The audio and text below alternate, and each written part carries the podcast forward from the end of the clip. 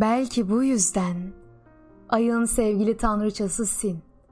Mabedini unuttu bu anlamsız boşlukta.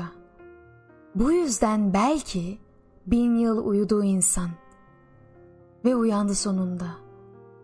Anladı bir olduğunu varlığın ve cevapsız o günden sonra. Biliyorum o ürkütücü başlangıçta bir şey bekliyor canlılar. Bir tufan olacak. Her şey toplanacak başlangıca. Yılın ilk gecesinde yaşlı kız annesiyle çıkıp yıldızların altında ellerini açtığında Tanrıça duymuştu onu. Fısıldamıştı Kays'la. Aşk kalbi korkuyla doldurur, sırrı yok eder. Bilmiyor Tanrıça. Bu geçen zaman boyunca yaşlı kız inandı yüzünü sürdüğü taşlara. Mağaralara inandı çok. İnandı orada kaynayan suyun insanı hayata bağlayacağına. Kapılar olsa da nefes alamıyor. O gece uyumadı yaşlı kız. Aynada beyaz bir kadın bulmak umuduyla koştu sulara. Belki bir el, her şey, her şey unutkan. Şu savrulan küçük yaprak bile çıksa girdiği kuyudan başka bir şey olacak.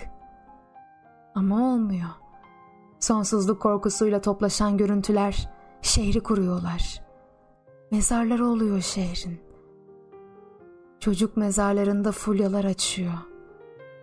Yaşlılarınkinde zakumlar.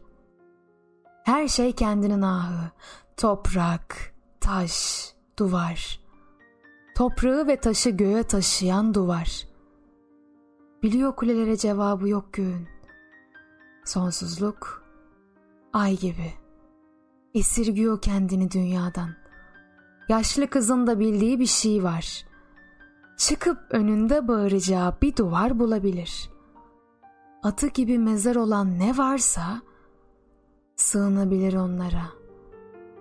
Uzak her şey için bir çizgi oluyor ağzı. Göğsü doluyor. Yaşlı kız dolaşıyor avluda. Avluda sadece gözler var. İstiyor ki aradığını anlayan biri varsa baksın ona. Ama bakmıyor kimse. Bakmıyor.